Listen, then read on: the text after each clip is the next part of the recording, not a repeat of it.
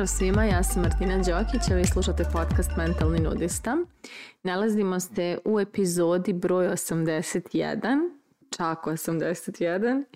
I u ovoj epizodi uh, govorit ću o postavljanju granica na malo drugačiji način, odnosno na separaciji koju moramo da doživimo od svojih autoriteta kada ne poštuju naše granice ili ajde da kažem na ovom ljudskom i jednostavnom životu, jeziku Bože, kada odrastemo i počnemo da osjećamo da ne želimo stvari koje nam se nameću ili da nam ne odgovaraju stvar, načine na koji nas tretiraju određeni ljudi ili autoriteti koji su u našem životu, a najčešće naši roditelji. I kada počnemo da komuniciramo onako kako sam u prethodnoj epizodi pričala, šta nam smeta, šta nam ne odgovara, šta nas povređuje, a to ne biva ispoštovano, šta i kako onda.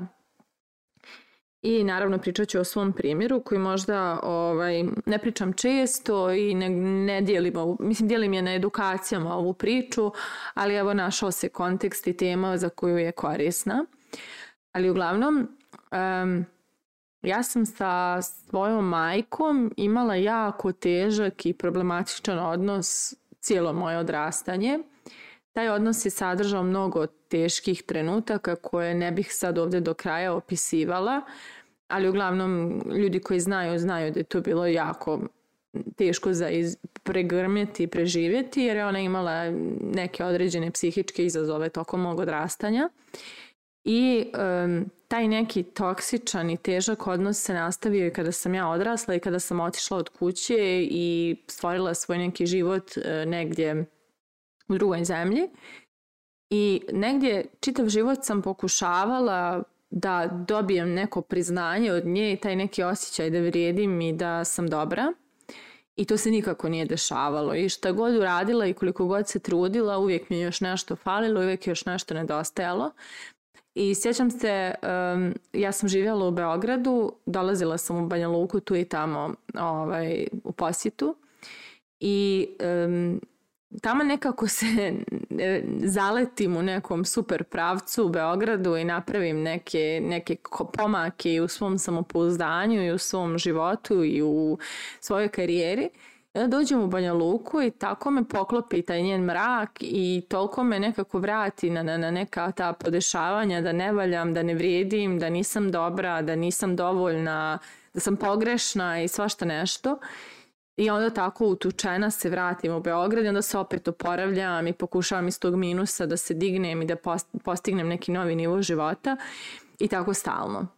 I vrhunac, ehm, to je trenutak koji je meni onako najviše opalio šamar, iako se svašta dešavalo tokom cijelog mog odrastanja, ali da kažem u tom odraslom dobu, e, nešto što me najviše povrijedio je trenutak kada sam ja dobila licencu ovaj, internacionalnu za svoju trenersku titulu. I znam da sam je došla sva srećna i ispričala kako sam ja sad dobila licencu, kako je to nešto jako važno u mom poslu, jer ja sad imam neku diplomu koja je globalno priznata i mogu svoj posao da radim bilo gdje na svijetu. I ona je bukvalno ponizila tu moju licencu pričam kako to nije fakultet, kako je to neka glupost i tako dalje. I ja se sjećam koliko je mene to povrijedilo jer sam, samo sam joj rekla ok, uh, ne moraš da budeš ponosna na mene i nikad ne moraš da budeš ponosna na mene, naći ću ja neko ko će biti ponosan, ali ovdje je kraj.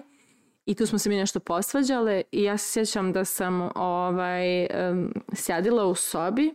i razmišljala šta će ovo meni u životu. Ovaj teror i ovaj stalni, stalni sukob i ovaj haos i ovo sve. I ja sam se pokupila, spakovala i otišla iz Banja Luke i odlučila da se više nikad ne vratim u tu kuću i da više nikad nemam kontakt s njom. I znam sad to zvuči dramatično i verovatno čudno, ali kada bih otvorila još nekih detalja, ali evo potrudila sam se da, da se da nasluti tu, tu neka ta istorija, a, bilo bi jasno koliko je tu tereta u meni bilo i agresije i mržnje i, i, ljutnje i povrijeđenosti i, i, i utučenosti i, nazad, i, i mislim mraka jednog ogromnog iz kojeg ja nisam mogla da izađem jer me ona stalno vraćala u njega zbog, svog nekog mraka koji je ona nosila. I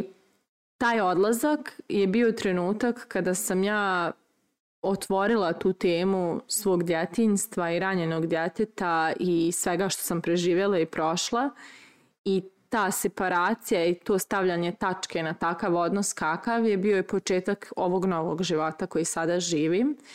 jer um, ja sam bukvalno tim odlaskom i odlukom da ne želim više kontakt i da ne želim apsolutno da, da učestvujem u takvom odnosu, otvorila sebi priliku za ovu porodicu koju sada imam.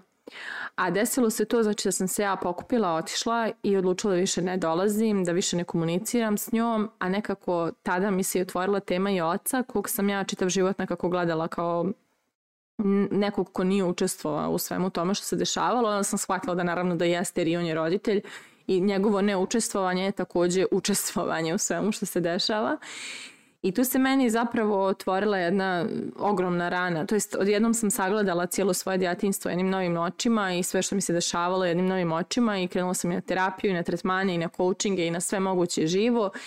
i tada je iz mene počeo da izlazi ogroman mrak i ljutnja i krivica i, i tuga i bol i sve živo i krenuo je jedan ozbiljan period mog oporavka koji je bio jako težak.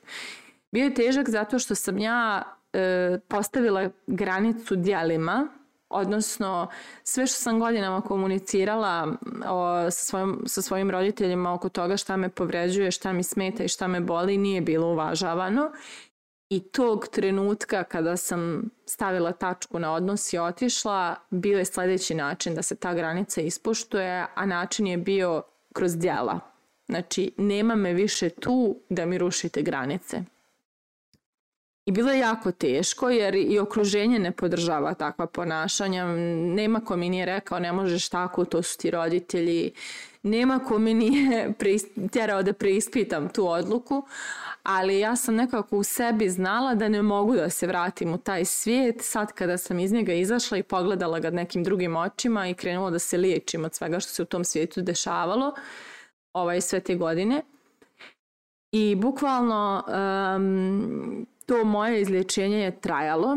skoro godinu dana. Ja sam tih godinu dana ra, e, rasla, bukvalno emotivno rasla i, i, i funkcionisala sa idejom da je to konačno i da ja zaista više neću da se vratim u svoju porodicu. Međutim, e, kako je, mislim, oni su tu i tamo pokušavali da uspostave kontakt, međutim, nisam bila spremna na to i sjećam se, ja sam poslovno dolazila u Banja Luku i tad smo umeđu vremenu kupila i novi auto i ja sam vozim se Banja Lukom i prolazim kraj moje mame na ulici i sad taj bol ne znam da vam opišem, ali evo i dok pričam emotivna sam. Ali to je baš, baš onako strašno. Nekako isključiti iz života ljude koji su vam toliko važni, ali znati da nema drugog načina da budete dobro. I e, krenuo je taj period jel, mog i oporavka i borbe te unutrašnje sa spoznajama šta se sve tu zaista desilo i šta sam ja sve pregrmila i pretrpela i šta sve nisam videla pravim očima jer sam bila dijete koje je zatvoreno u takvom svijetu i svašta nešto. Uglavnom iz mene je teklo, teklo je, teklo je sve to, sav taj miks emocija, sav taj haos je isticao iz mene. I moj život je nastavio da funkcioniše. Te godine sam otvorila NLP u Beču, kupila sam novi auto, ušla sam u novu vezu, nekako svašta nešto se fino desilo. I ja se sjećam da sam ja jednog dana osvanula i shvatila da ja nemam više ni bijes, ni tugu, ni mržnju, ni ljutnju, ni ništa, nego da je ostalo razumijevanje i ljubav i da sam spremna da probam da napravim neki novi odnos sa mojom porodicom I ako ne uspijem, nema veze, dobro sam, a ako uspijem, super. Ja sam sjela i napisala sam odvojena pisma maj, majci i ocu u kojima sam objasnila svoj odlazak, ali bez ikakve osude, krivice, prebacivanja i čega. Samo sam onako ovaj, iskreno podijelila svoju perspektivu i, i, i to nešto kako ja vidim šta porodica jeste, šta, šta, šta ljubav jeste i tako dalje. Iako su spremni da zajedno gradimo takve odnose, ja sam tu,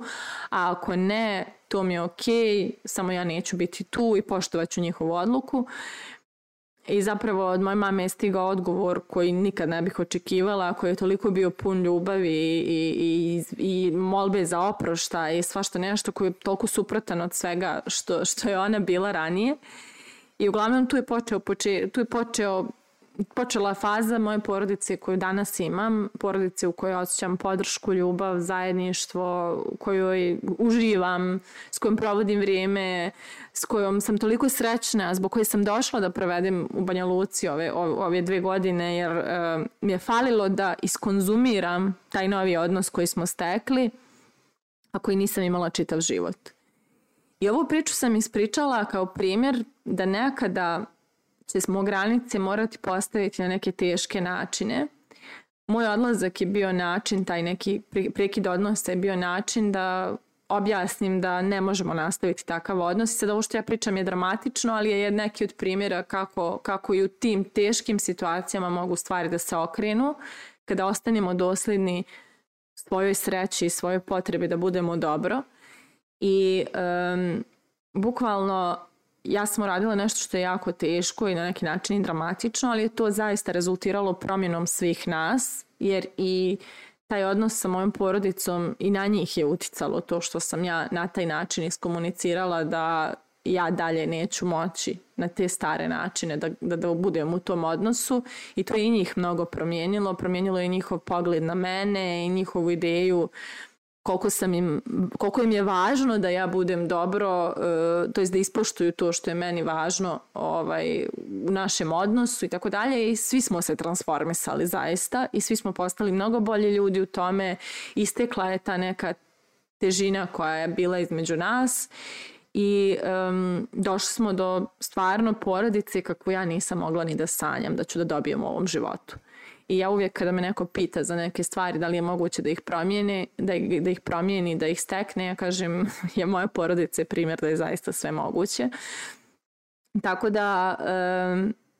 kada ljudi koje volimo, pa čak i najviše na svijetu, ne čuju naše uporno ponavljanje koliko smo povrijeđeni, koliko nam treba drugačiji odnos, koliko nam je potrebno da ispoštuju neke naše potrebe ili granice, kada nas uporno ne čuju, ne čuju naše riječi, onda je vrijeme za djela. Nekad djela ne moraju biti ovako rigorozna kao u mom primjeru. Djela mogu biti umanjenje količine prisustva našeg u njihovom životu, mogu biti, ne znam, drugačiji neki, neke postavke, ali suština je a, kada se riječi ne čuju, vrijeme je za djela jer djela pričaju više od riječi. Tako da moje pitanje za vas na kraju ove epizode jeste ko to ne čuje vaše riječi i gdje je to vrijeme za djela. Mislite o tome, a mi se družimo u narednoj epizodi.